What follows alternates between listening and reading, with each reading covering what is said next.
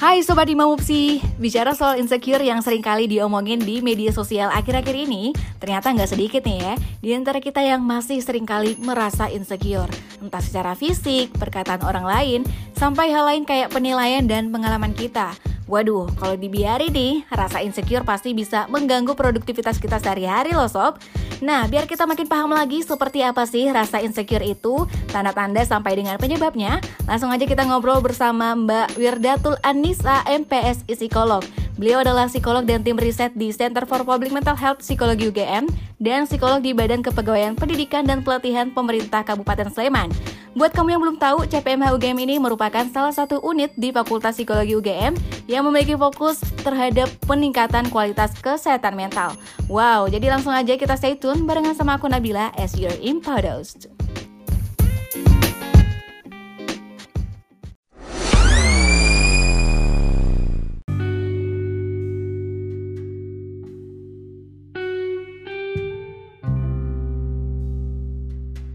Sebenarnya kalau misalnya kita ngomongin tentang insecure, secara umum itu ada empat uh, empat hal yang menjadi sebab.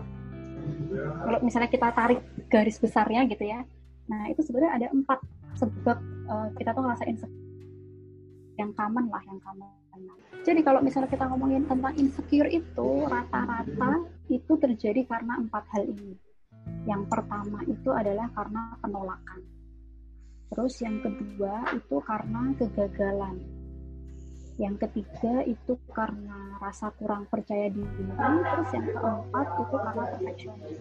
Gitu. Jadi kalau misalnya tentang penolakan atau kegagalan itu misalnya ya kayak pengalaman kita untuk mendapatkan kritik gitu. Jadi dikritik sama orang gitu kan. Kita punya pendapat tapi terus langsung uh, responnya itu respon yang menjatuhkan atau mungkin malah respon yang uh, mengkritik balik pendapat atau pengalaman diremehkan gitu. Uh, merasa mungkin kompetensi kita tidak diakui oleh orang lain. Atau misalnya uh, beberapa kali gagal dalam mengikuti seleksi atau mengikuti kompetisi jadi pengalaman kegagalan yang berulang gitu.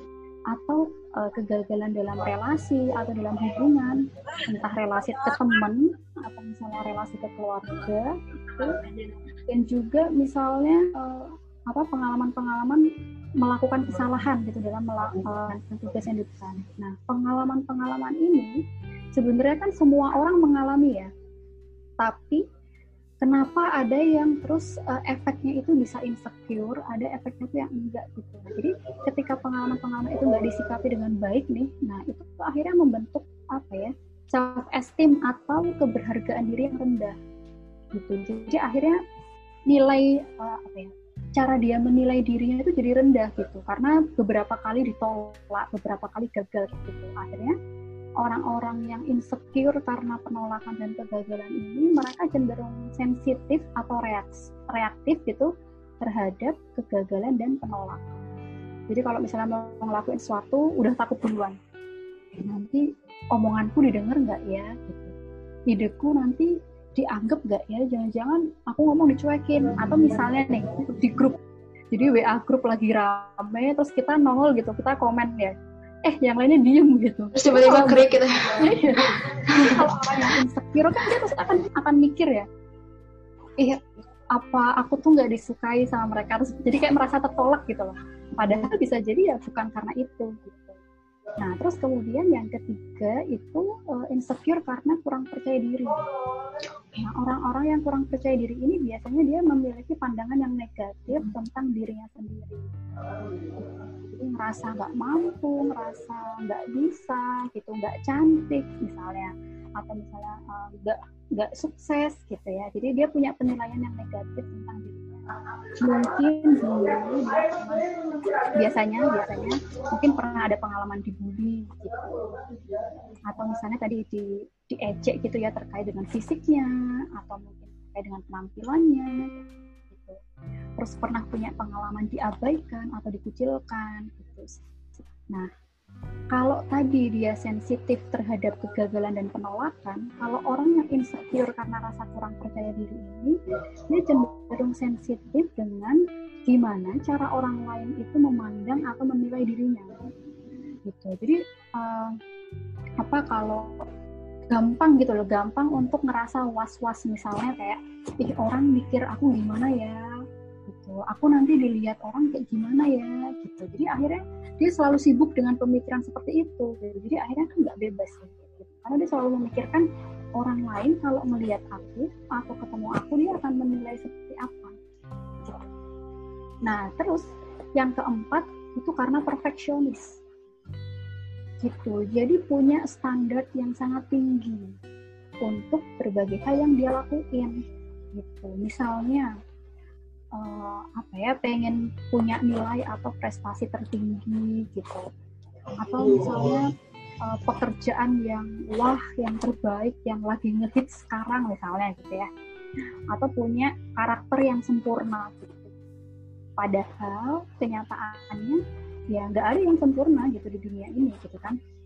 Dan ya sering kali uh, kehidupan kita itu nggak berjalan seperti apa yang kita inginkan gitu. Ada hal-hal yang terjadi di luar kemampuan kita untuk mengendalikan itu gitu nah orang yang perfeksionis ini ketika dia tidak bisa apa ya mengelola keinginannya untuk menjadi perfect untuk menjadi yang terbaik gitu ketika dia menemukan sedikit aja kesalahan atau kegagalan yang dia lakukan, nah dia gampang banget nih untuk blaming. Dia nyalahin dirinya sendiri, terus dia mungkin lama-lama ngerasa nggak layak, gitu, ngerasa nggak mampu, gitu. Karena hasilnya ternyata nggak seperfect yang dia bayangkan. Jadi mungkin tiap orang kasusnya bisa berbeda-beda, tapi kira-kira kalau misalnya kita ngomongin tentang insecure, empat hal inilah yang jadi apa ya uh, penyebabnya commonnya lah common penyebabnya gitu nah hal-hal kayak gini nih sangat dekat ya sama keseharian kita ya. Makanya makanya kita perlu banget nih untuk punya strategi supaya gimana ketika nanti kita ketemu orang yang mengkritik kita atau ke kita ketika kita ada di situasi-situasi tadi itu kita nggak berespon seperti itu gitu. Kita bisa memberikan respon yang lebih sehat gitu. Itu nanti yang uh, dari judulnya sih yaitu strateginya adalah dengan syukur gitu ya